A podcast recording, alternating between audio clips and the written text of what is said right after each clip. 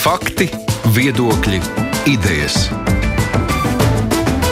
Raidījums Kruspunkta ar izpratni par būtisko.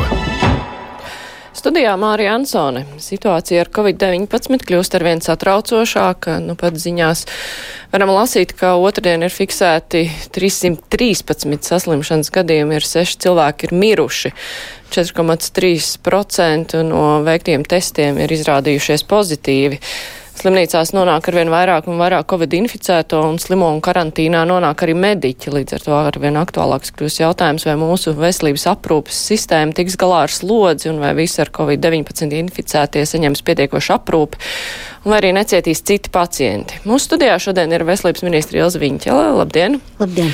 Kas atbildēs uz žurnālistu un arī klausītāju jautājumiem, un savukārt eh, kopā ar mums attālināti ir žurnālisti Sanita Uplē no portāla Delfi. Sveika, Sanita! Labdien. Un Kristaps Feldmans no Latvijas rādījā. Sveiks, Kristap! Sveicināti!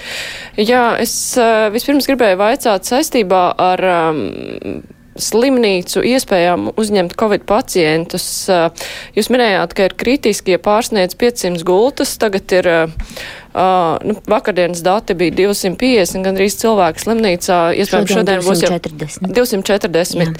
Uh, bet uh, šīs te kritiskā situācija, šīs 500 gultas, vai tas viss ir arī. Mm, kā, vai mediķi arī ir pietiekoši, kur var aprūpēt šos 500 pacientus? Un kā ir veicies ar mediķu uzrunāšanu, ar mediķu apmācīšanu, kuri var strādāt ar šiem covid pacientiem?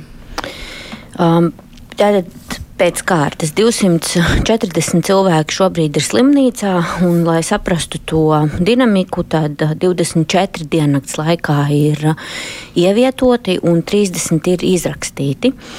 Covid pacienti.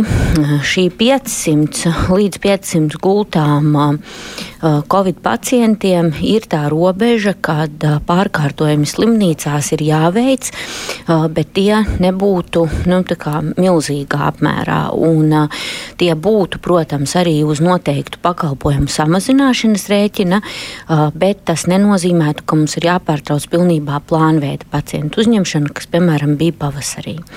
Ko tas nozīmē? Tas nozīmē, ka slimnīcas ir, protams, gan informētākas, gan gatavākas un Un tostarp arī mediķi uh, salīdzinājumā ar pavasari, jo ir daudz vairāk informācijas un arī pašu pieredze. Runājot par personālu, protams, šīs 500 gultas nozīmē arī to, ka tas ir ar personālu, ne jau vienkārši plikas gultas slimnīcu telpās. Uh, bet šeit uh, ir jāņem vērā, kādēļ mm, mēs nevaram tā kā pilnīgi uz cilvēku un uz gultas vietu pateikt, uh, ka ir arī tādi procesi, kā sasirgst arī paši mediķi.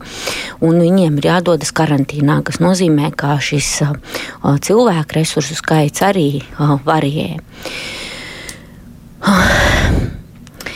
Ko tas viss nozīmē? Tas nozīmē, ka tikai un vienīgi sabiedrības pašas rokās mums kopā ir iespēja vai nu šo inficēšanās līkni apturēt, vai nu pieredzēt tos scenārijus, kas notiek tepat kaimiņos, Lietuvā vai Eiropā. Es došu vārdu kolēģiem Sanita. Jā, labdien, vēlreiz. Man ir tāds jautājums, un es domāju, ka sabiedrība diezgan daudziem radījās, un jūs droši vien varat izskaidrot. Nu, bija tas pirmais vilnis, nu, bija vasara, un mēs kā gatavojāmies, bet tagad eh, Veselības ministrija un, un tā Veselības eh, operatīvā komisija pagājušā nedēļā, teiksim, tas prasīja diezgan ilgu laiku, lai paziņotu, nu, kāda ir tā gatavība un dos slimnīcām kaut kādus norādījumus. Eh, kā, kāpēc tā sanāca, un vai tas, rada, tas ir vienkārši komunikācijas kļūda, ja tiešām mēs nebijām gatavi, jūs varat paskaidrot? Ehm, ja mēs nebūtu gatavi, tad par to nu, esiet droši, žurnālisti būtu pirmie, kas uzzinātu. Ja. Šobrīd uh, ir tā tad interesi sabiedrības un um, šī trauksme un uh, bažas ir uh, absolūti saprotamas, jo tā ir ārkārtēja situācija. Bet runājot par šo uh,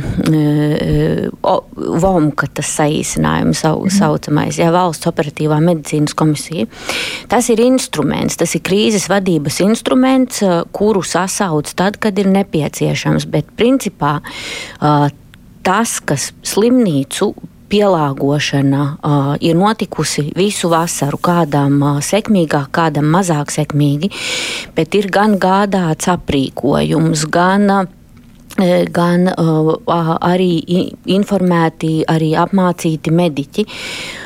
Un šai krīzes brīdī tad, nu, šī priekšdarbi, kas ir darīti vasarā, ir, tiek īstenoti.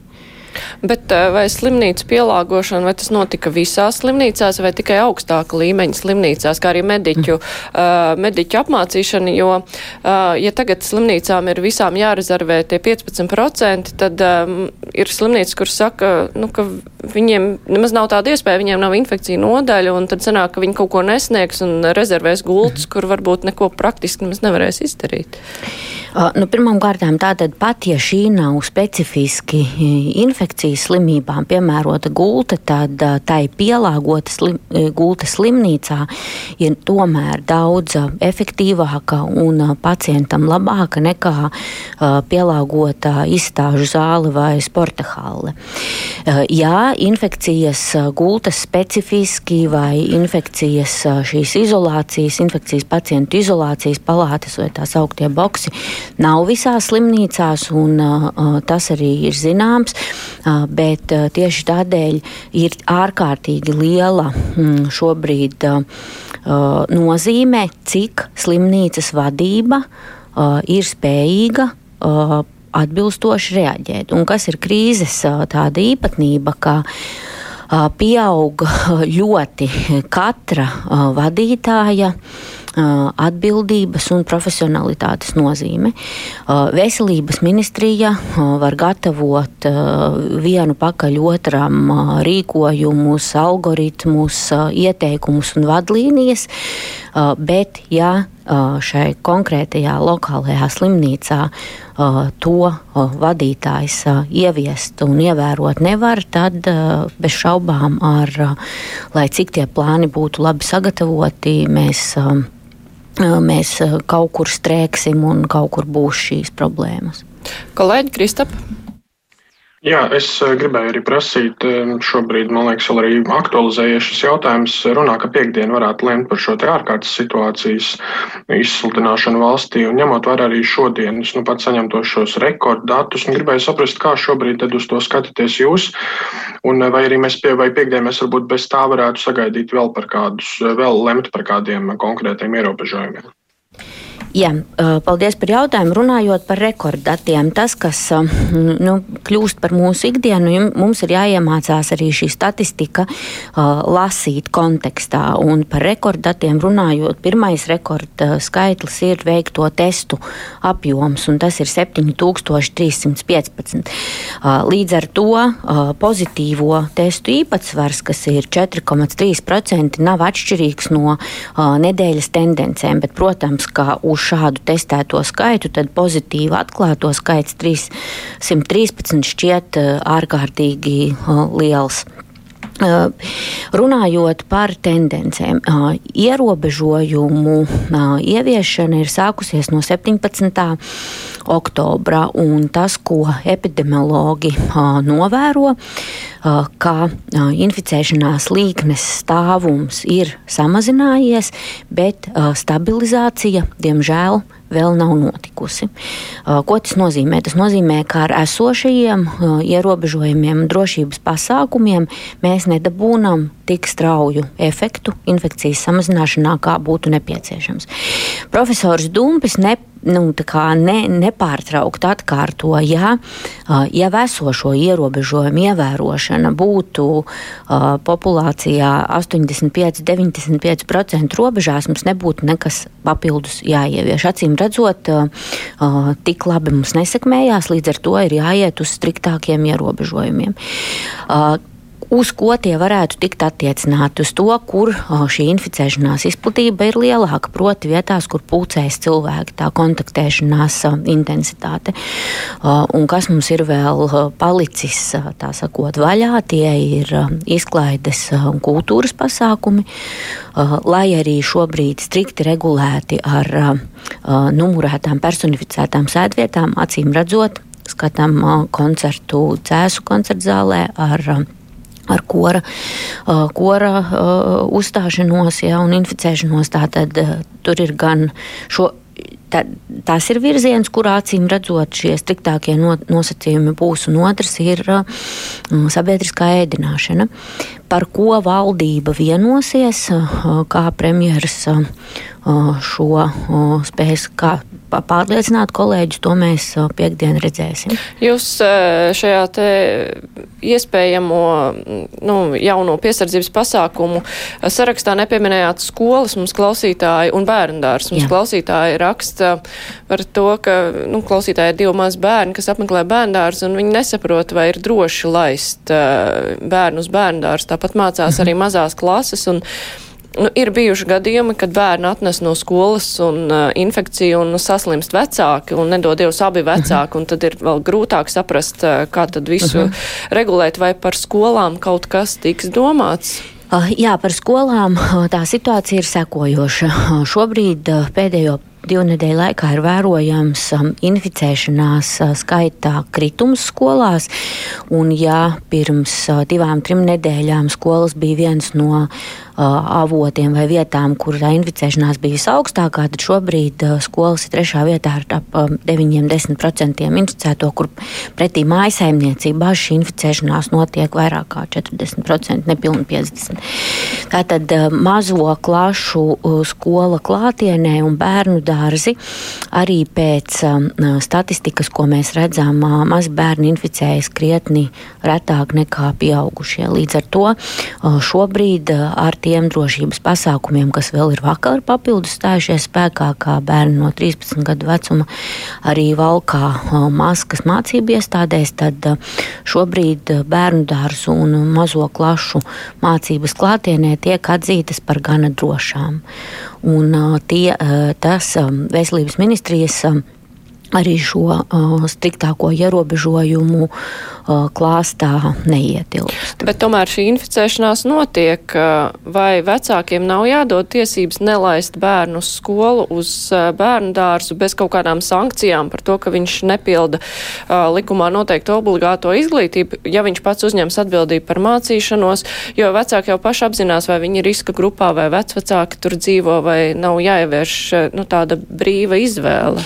Um, šeit mēs konsultējamies ar kolēģiem no Izglītības un zinātnes ministrijas, jo tas nav tikai par epidemioloģiju, tas uh, tomēr ir jāvērtē kopskatā ar to, kādu ietekmi tas atstāja uh, uz uh, bērnu zināšanām, uz, spēju, uz viņa spēju pēc tam apgūt mācību vielu un um, līdz šim kolēģi no Izglītības un zinātnes ministrijas ir teikuši, ka maziem bērniem tomēr šīs mācības klātienē ir daudz nozīmīgākas nekā lielajiem bērniem, kuriem pašmācības prasmes ir vairāk attīstītas. Mm, līdz ar to konsultēsimies ar kolēģiem. Klausītājs ir piezvanījis. Halo! Labdien! Labdien. Es gribētu uzdot jautājumu vienu ministrei. Jūs to varat darīt? Kas tiek darīts, lai šoferiem, e, medniekiem, policistiem nebūtu jāiet uz poliklīniku, jālasa tur tie infekcijas avoti un jāpadod tālāk, lai nebūtu jāiet veselības pārbaudas. Kaut gan tās veselības pārbaudas neko nedod. Jo, piemēram, pagājušo gadu bija četri, gandrīz 4000 tas ir noteikti pārkāpumi, un neviens dakteris nav saukts pie atbildības. Jā. Mhm. Jā, paldies. Es saprotu, ka uh, klausītājs acīm redzot ir domājis šīs obligātās veselības pārbaudas, kuras ir nepieciešamas, lai saņemtu ieroču atļauju un, uh, un uh, pirms vadītāja apliecības saņemšanas, jā, veselības ap, a, Vai arī vadītāja atjaunošana, jā, veselības. Uh, pavasarī šīs, šīs pārbaudes tika arī apturētas klātienē, bet bija pieņemts regulējums, ka uz šo karantīnas laiku tad atļaujas ir derīgas vēl arī, ja tas termiņš ir beidzies. Ja mums nāksies arī pieņemt šoreiz, ruden, šoreiz šajā ierobežojumu etapā to, ka tādas pārbaudas nenotiek klātienē, tad acīm redzot attiecināsim to pašu regulējumu, kas bija pavasarī. Cilvēki var neuztraukties arī, ja tas termiņš būs noticējis, tad tiks atzīta par derīgu šī apliecība līdz brīdim, kamēr varēs atkal pārbaudas veikt klātienē. Kolēģis Anita. Man ir jautājums vēl par ārkārtējo situāciju. Es esmu izlasījis to stratēģiju, un es esmu dzirdējis, ka ministri pati un arī premjeras atsaucas, ka ārkārtējā situācija būtu vajadzīga, ka mēs ieiet tajā sarkanajā ceturtajā zonā. Tur pagaidām tie kriteriji vēl neizpildās, bet es saprotu, ka juridiski lemt. Un tas, ko jūs tagad teicāt par, par tiem ierobežojumiem ēdināšanā un kultūra vietās, tā ir tikai daļa, jo sarkanā, sarkanā zonā, principā, tur viss aizvērst. Tātad mans jautājums būtu par to, ja, ja vēl piekdienā paredzēts nu, aizvērt visu, Tad kāpēc tomēr ir vajadzīgs ieviest ārkārtējo situāciju? Un es pateikšu, kāpēc es to jautāju. Tāpēc, ka nu, cilvēkiem, kad viņi dzird, ka ārkārtējā situācija tas liekas kaut kas ļoti tāds galējs, un tas cilvēks biedē. Un, diemžēl šonadēļ mēs neesam spējuši dabūt žurnālisti atbildes no ministriem, kāpēc tieši tas ir vajadzīgs. Un es ceru, ka jūs, kā visu lietu ministrija, varbūt varēsiet tomēr liest, liest lielāku skaidrību, kāpēc tieši ir vajadzīgs šis status. Paldies! Jā, un tieši lietojot Uplējas kundzes atsaucu uz visu lietu ministriju, tad krīžu vadības arī tādā, tādā, tādā teorijā ir, ka krīzes sākumā ir ārkārtīgi būtiski koncentrēties uz vien dažiem cilvēkiem, kas ir gan publiskās sejas, gan arī faktiski pieņem lēmumus, bet ja krīze ilgst, tad tomēr ir jāsāk atbildības nodalīt, jo pretējā gadījumā var iestāties pietiekami daudz nesaprašanu.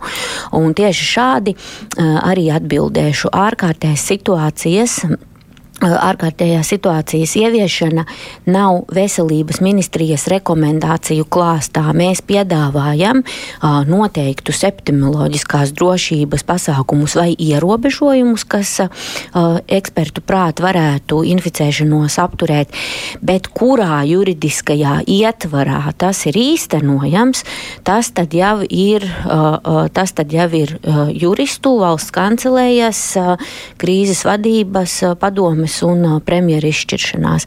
Tā, mēs piedāvājam to, kas epidemiologu prāt ir nepieciešams. Un tad nu, premjeras izšķiršanās lielā mērā ir uh, piedāvāt risinājumus, kādā juridiskajā ietvarā tie ir izdarāmi.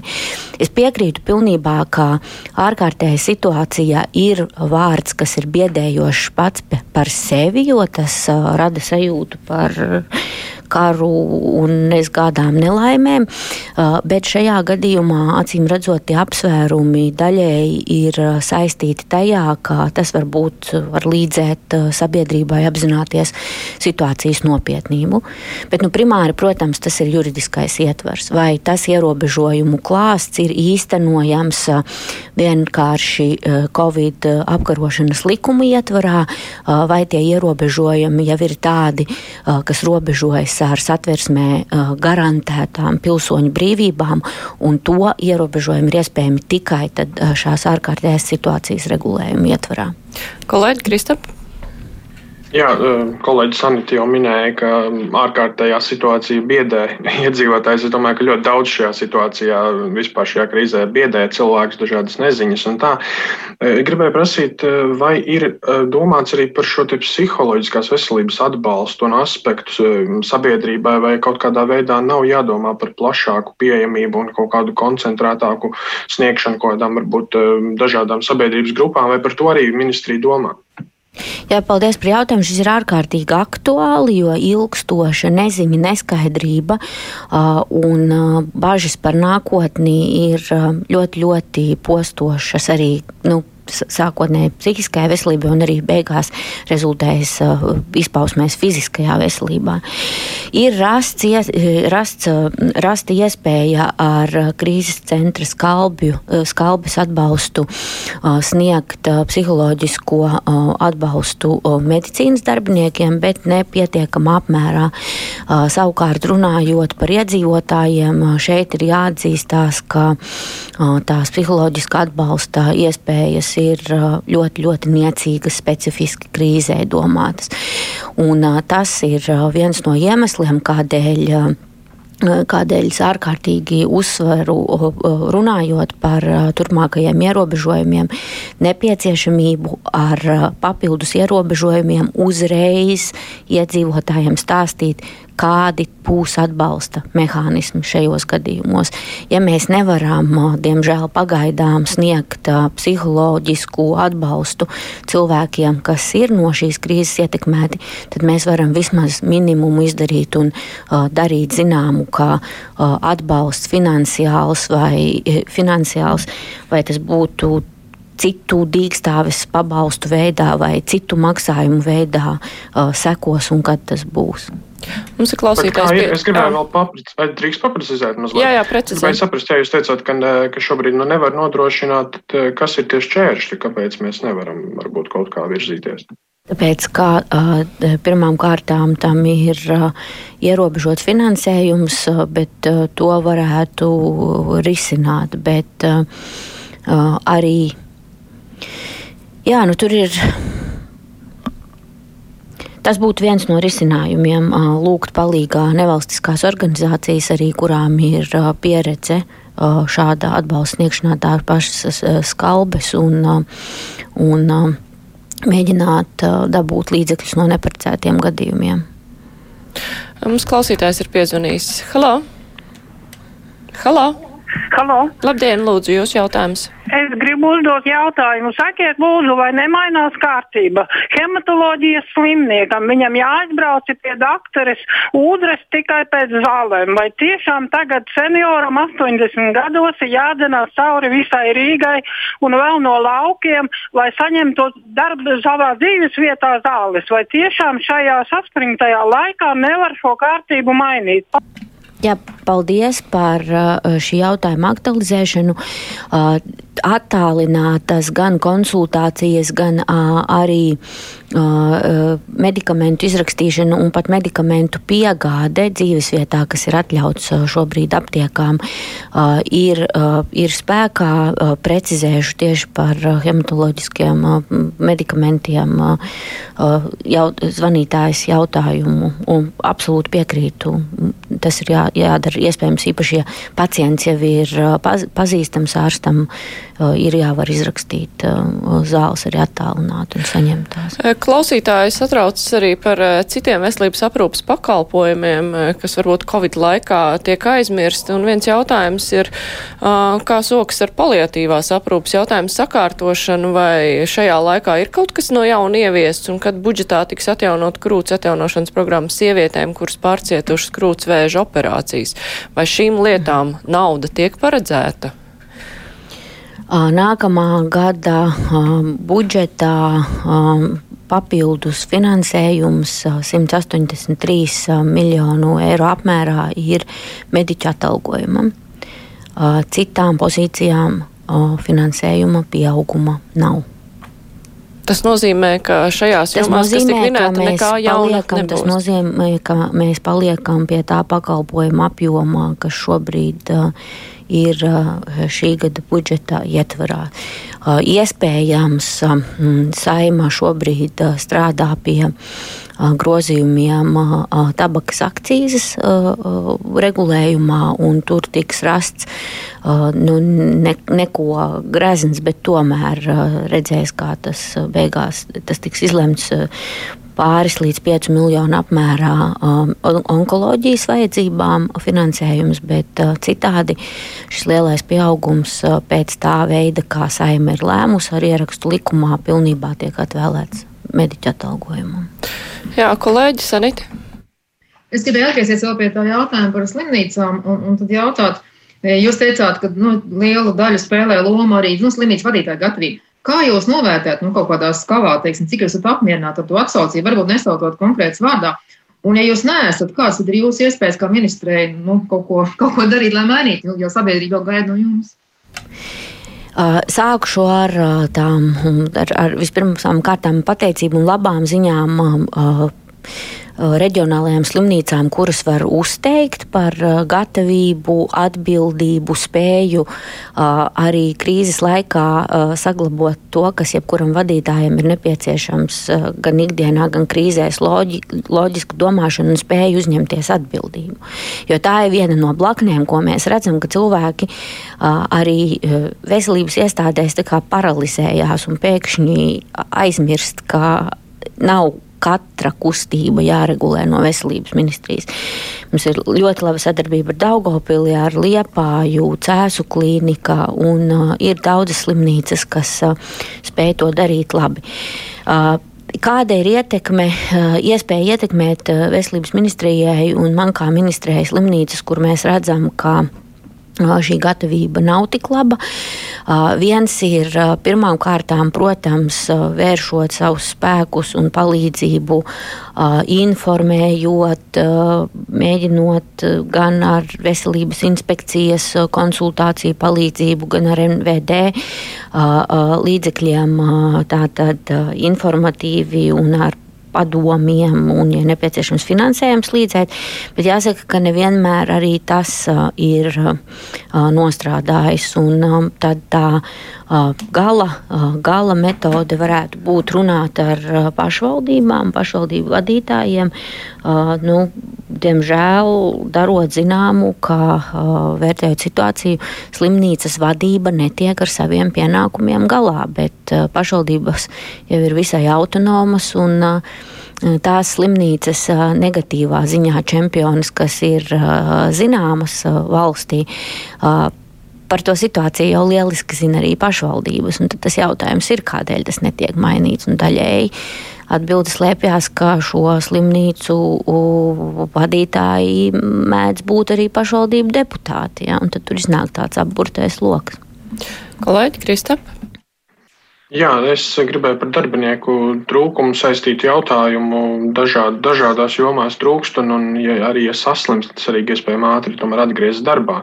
Es nesen taisīju materiālu par veselības ministrijas NMP dienesta un, un arī mm, Latvijas veselības sociālās aprūpas darbinieku arotbiedrības tādu kopēju sarunu par to, ka vajadzētu NMPD darbiniekiem, ja ne tādu kā veselības apdrošināšanu, tad vismaz zaļo koridoru veidošanu atsevišķiem veselības pakalpojumiem un, un, un izmeklējumiem jautājumiem. Toreiz man veselības ministrijas pārstāvis teica, ka nu, Covid dēļ šis ir apstājies. Es gribēju saprast to, to jūsu redzējumu, cik šis ir aktuāli, jo nu, šajā laikā īpaši arī pie darbinieku trūkuma vai nav svarīgi nodrošināt eh, to, ka šie darbinieki pēc iespējas ātrāk var no, atgriezties darbā, ja viņiem ir kāda, kāda veselības problēma. Kā šo risināt?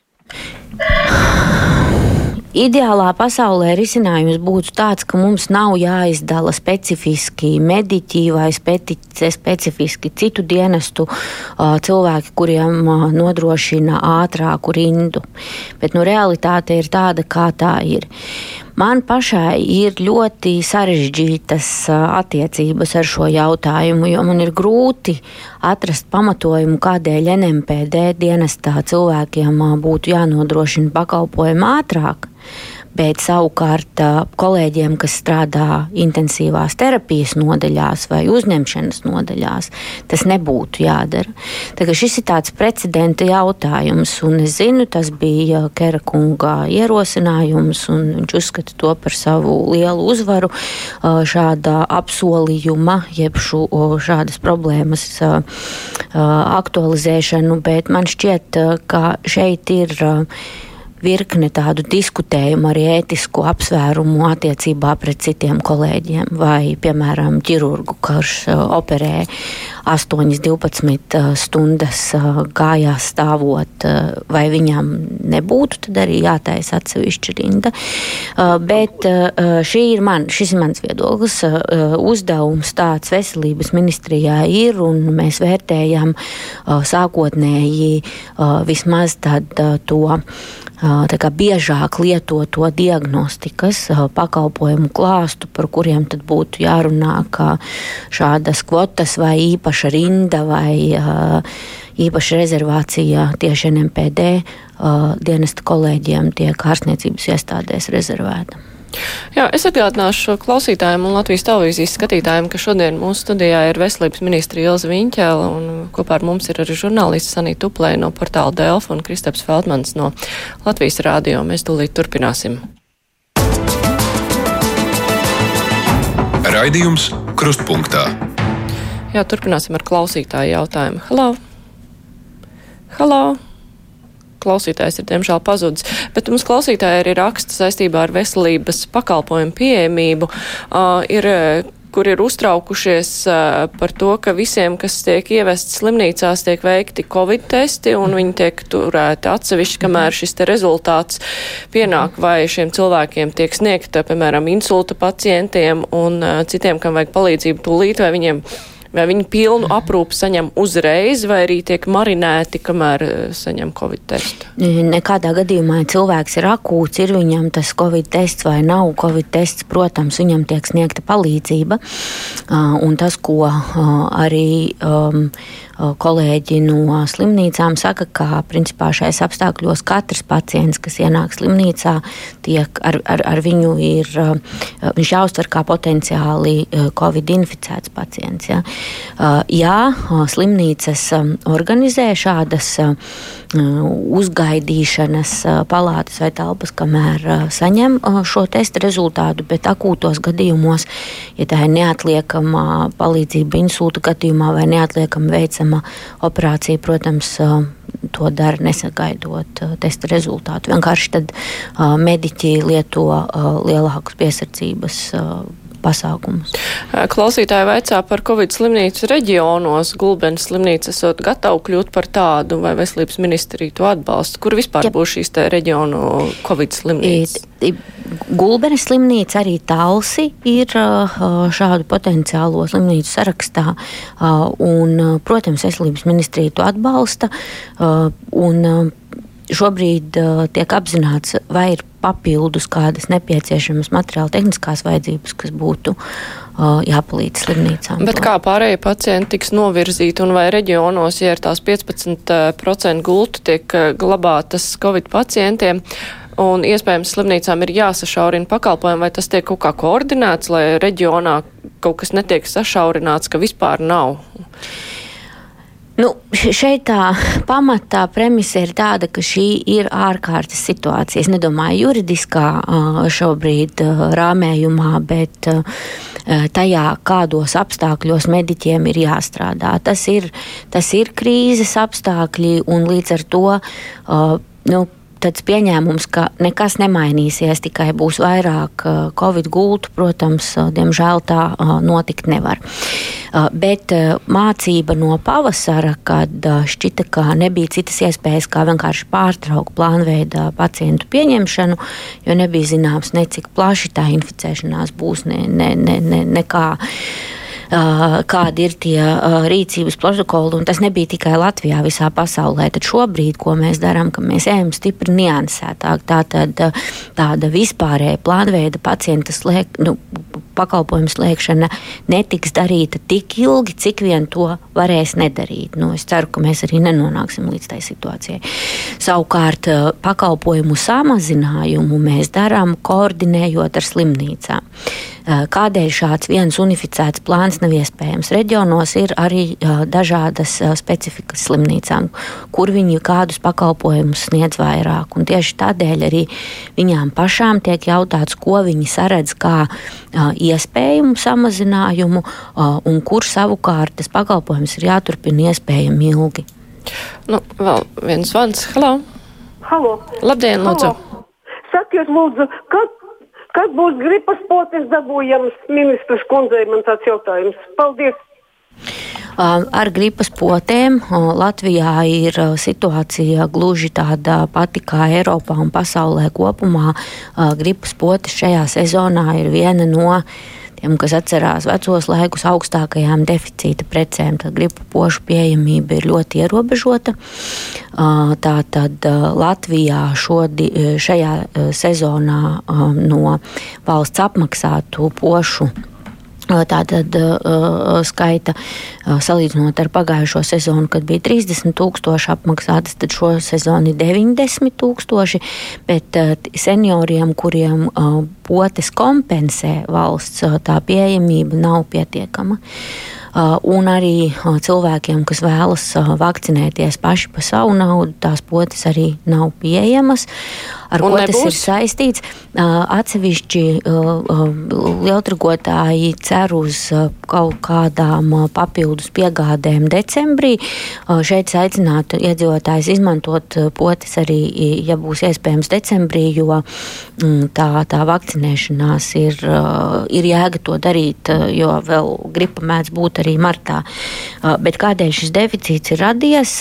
Tādēļ, ka Uh, proti, uh, šo vakcīnu pasūtīšana ir jāveic ļoti, ļoti laicīgi, vairāk gadu apmēram iepriekš. Un, uh, tas, kas bija finansējuma ietvaros izdarīts no valsts puses pagājušajā gadā, pasūtīja rēķinoties ar zemāku aptveri, bet vēlos informēt klausītājus, ka nākamam gadam mēs plānojam jau šobrīd, un tur ir rasts arī apsolījums no Finanšu ministrijas, ka tam būs arī nauda būtiski palielināt vakcīnu iepirkumu nākamgad.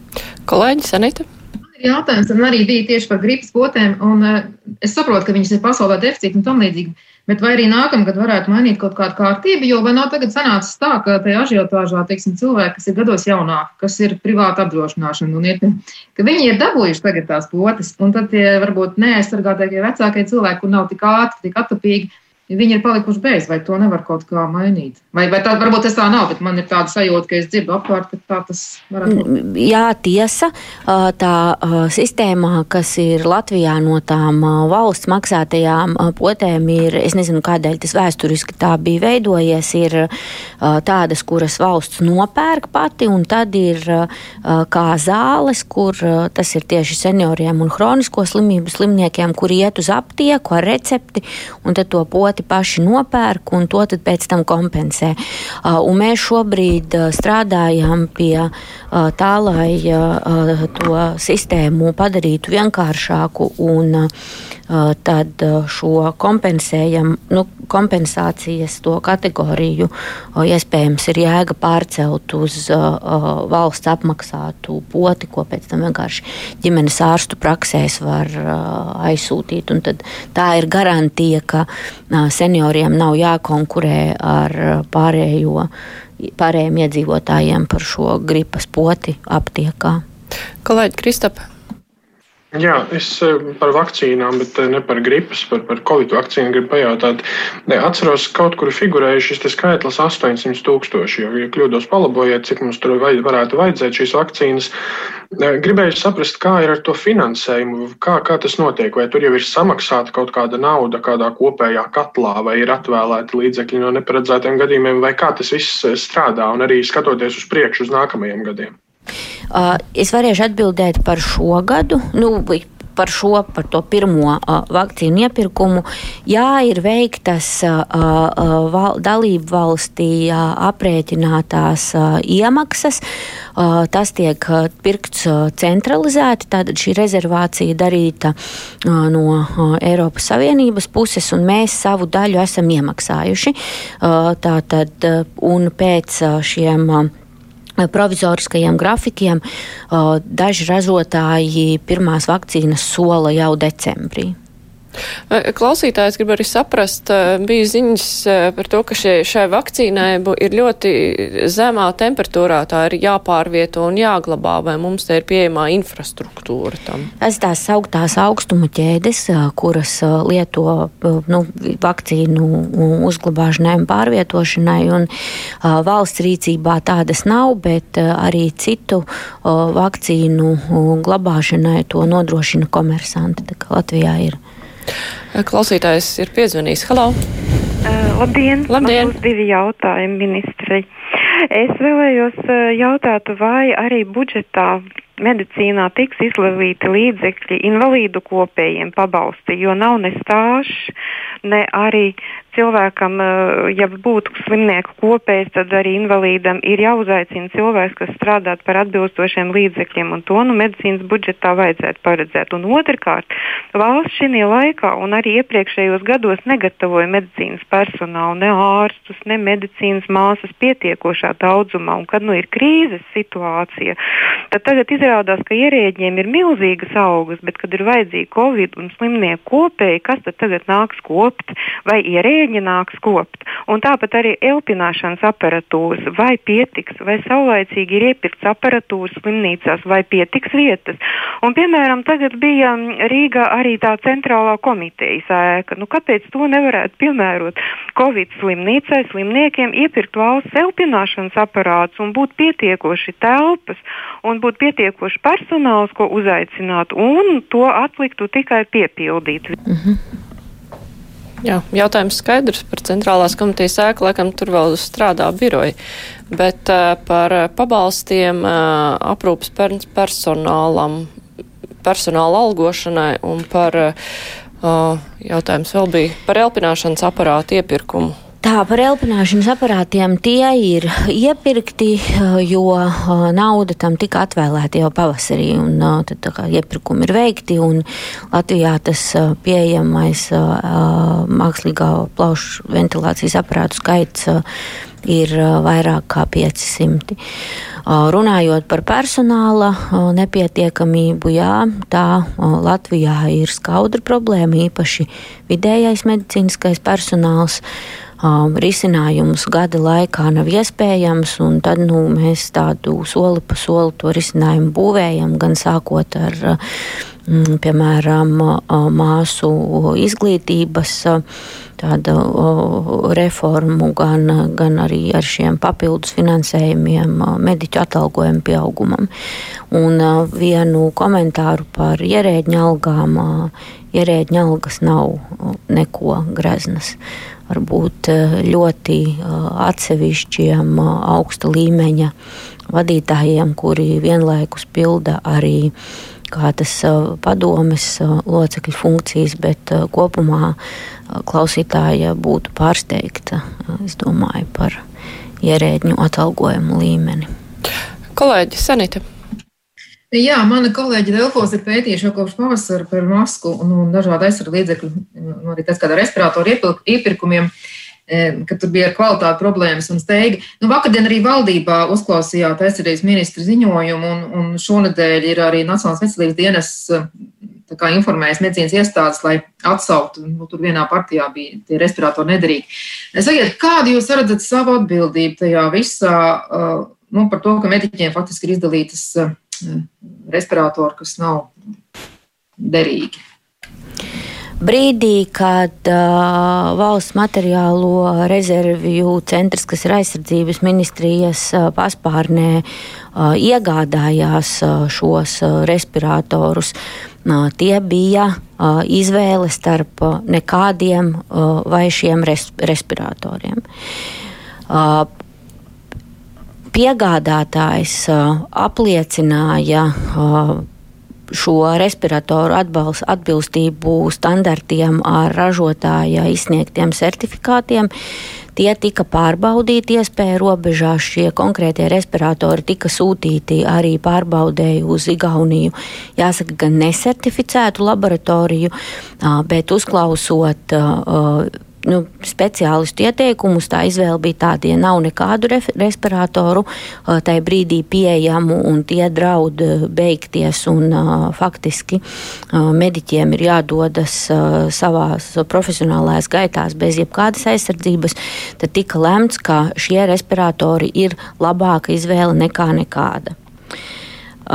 Par savu atbildību gan es, gan kabinets kopumā uh, gan šo respiratoru iepirkēji rīkojās tajā brīdī pēc tās informācijas, kas bija, apzinoties riskus un riskus novērtējot.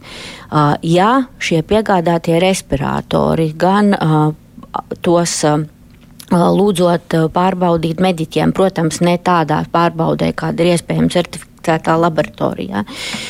Tika izdarīts tas ieteikums, par ko es iepriekš stāstīju. Tā atbildība bija vai nu pieņemt lēmumu, kurš var pēc tam tikt ap, ap, apšaubīts, vai nepieņemt lēmumu. Krīzē pieņemt lēmumu ir labāk nekā lēmumu nepieņemt. Kā mēs varam nākotnē izvairīties no uh, situācijām, uh, kad uh, krīzes brīdī, kuru var, protams, interpretēt dažādi, un, kā saka, pēc kaujas visi ir gudri. Uh, bet ar situācijām, kurās piegādātās preces neatbilda kvalitātei, atvainojos, Eiropas Savienībā bija veikts viens centralizētais iepirkums, respiratori izdalīti. Latvija tobrīd nebija gan šo saņēmēju ziņā, un izrādījās arī, ka šie respiratori neatbilst standartam. Tā bija tā realitāte krīzes laikā. Vai es jūtos par to labi? Nē, bet es teikšu, kā ir. Es jūtos labi, ka tie respiratori to brīdi, kad tie bija nepieciešami, bija. Uh, mēs arī pārbaudījām sejas maskas, uh, par kurām arī uh, kolēģi kolēģi, bet žurnālisti Delfos rakstīja un sūtījām tās pārbaudē certificētās laboratorijās. Par tām arī tika izteiktas bažas un šaubas. Un, no certificētajām laboratorijām par šīm trim masku piegādēm, kuras gan iepirka vēl Nacionālais veselības dienests, tika saņemti testēšanas pārskati, ka tās atbilst norādītajiem standartiem. Kolēģi Kristap? Jā, es gribēju prasīt, varbūt arī par šīm mācībām, vai, vai tādas ir, ko varam gūt jau no šīs krīzes līdz šim. Gribēju saprast, kā ir citās varbūt, valstīs, vai arī kā jūs ministrijā rīkojaties saistībā ar eh, rezidentūras vietām, vai ir kaut kādi secinājumi, ka kaut kādi speciālisti mums tiek sagatavoti pārāk maz medicīnas studijas beidzot, varbūt eh, ir kaut kas jāmaina. Kā jūs redzat, vai, vai pēc šī visa varētu mainīties kaut kas eh, šajā jomā? Uh, Es teikšu, ka rezidentūras tādas korekcijas drīzāk mainīsies nevis šīs konkrētās krīzes dēļ, kuras ceru tomēr ilgāk par gadu nevilksies, bet jaunais atalgojuma modelis iezīmē vietas, kurās rezidentūrā ir jādara korekcijas, jo pārrēķinot pēc šī pilna laika ekvivalenta, kurā ir sastruktūrēts tas, ko tautas valodā varētu saukt par normālu slodzi ārstam, atklājās izteikti šaurās vietas slimnīcā. Varu minēt, piemēram, Austrumu Klinisko universitātes slimnīcu, kur izrādījās, ka uz akūto radioloģiju pietrūkst, ja nemaldos, pat 11 slodzes. Ja? Un, ja mēs palūkojamies uz to pēc asociācijas priekšlikumiem, cik radiologu tiek sagatavot, izrādās, ka tā ir viena šaurā vieta. Tā kā es teiktu, ka šis jaunais atalgojuma modelis ar to principu ieviešanu nu, būs lielāks korekciju viesējas rezidentūras pasūtījumos nekā šī krīze. Viens jautājums, kas uz jums varbūt tieši neatiecas, bet uh, man šķiet ir ļoti svarīgi atbildēt. Uh, klausītājs vaicā, viņiem ģimenē ir divgadīgs bērns, kurš jāpieskata visu laiku, bet abi vecāki ir slimi. Viņiem pat fiziski grūti izkāpt no gultas, vecāki baidās, ka mazais viņus aplipinās, negrib uzņemties pieskatīšanu, kas ir saprotams, ko viņiem darīt. Jāvēršas ir pašvaldības sociālajā, sociālajā dienestā, dienestā un ar steigu acīm redzot. Jā. Klausītājs ir piezvanījis. Halo! Labdien! Labdien! No Valmieras jūs traucē sakarā ar to darbinieku deficītu. Bet vai mēs tagad varbūt varētu ievest no Baltkrievijas? Tur ir daudz medmāsiņas, kuras labprāt bēgot no tās situācijas, kādas ir. Un tas laiks ir pagājis, kad baidīties atbrauks un neaizbrauks vairs. Nu, un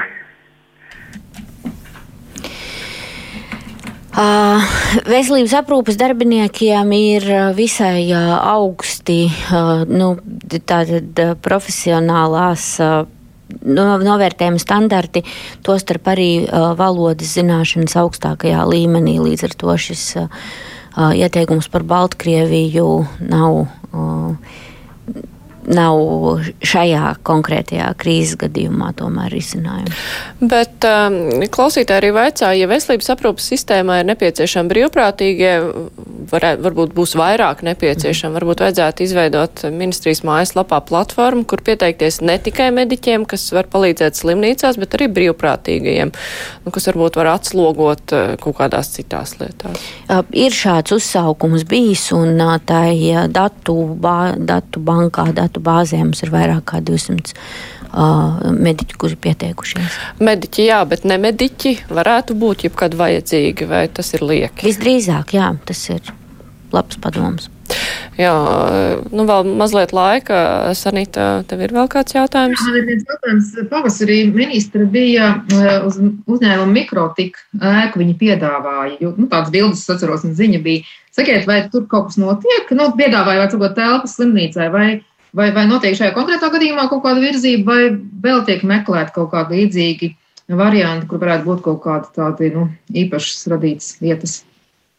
Šīs pavasara piedāvājums bija spēkā līdz septembrim, un jā, tiek meklētas un ir apzinātas arī citas telpas, kuras varētu pielāgot nevien Rīgā, bet arī reģionos. Uh, nu, Rīgā lielākais, var teikt, arī paldies, uh, ir Tīlis kungs, kurš ir uh, piedāvājis, ja nu pēkšņi vajadzēs, bet es ceru, ka nē, tomēr tā ir piemēram ķīpsalas izstāžu zāle, kur ir piemērota arī jaudīga ventilācija.